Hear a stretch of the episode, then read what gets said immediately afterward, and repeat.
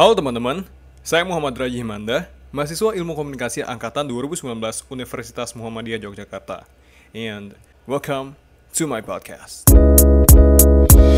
Di sini kita akan membahas dan sedikit belajar tentang karakter radio dan televisi. Secara teknis, radio adalah teknologi yang digunakan untuk pengiriman sinyal dengan cara modulasi dan radiasi elektromagnetik atau gelombang elektromagnetik. Secara non-teknis, radio bersifat theater of mind. Artinya, radio mampu menciptakan gambar dalam pikiran melalui kekuatan kata dan suara yang di mana dalam penyampaian pesan di dalam radio, kekuatan kata atau suara yang dikeluarkan dari penyiar misalnya, atau dari hal yang kita dengar di radio, itu dapat mempengaruhi pikiran kita dan membuat kita berimajinasi tentang apa yang disampaikan.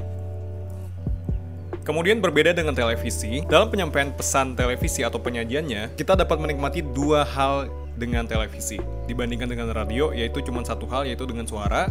Tetapi di televisi kita bisa menikmatinya dengan dua hal sekaligus yaitu audio dan visual. Perbedaan karakter antara televisi dan radio ini sangatlah berbeda yang di mana radio kita menikmatinya dengan berimajinasi mendengarkan suara dan dengan televisi kita menikmatinya dengan mendengarkan suara ditambah dengan melihat visual yang ditampilkan. Jadi kita tidak perlu berimajinasi lagi apa sih yang menjadi objek yang dibicarakan dalam sebuah suara yang di mana hal itu sudah disajikan visualnya di layar televisi. Jadi begitulah perbedaan karakteristik antara televisi dan radio. Apa pun platform yang kalian gunakan dan dengan cara apa pun kalian menikmati sebuah informasi, it is all depend on you and you choose what you wanna use. Saya Muhammad Raji Manda, terima kasih sudah mendengarkan podcast ini.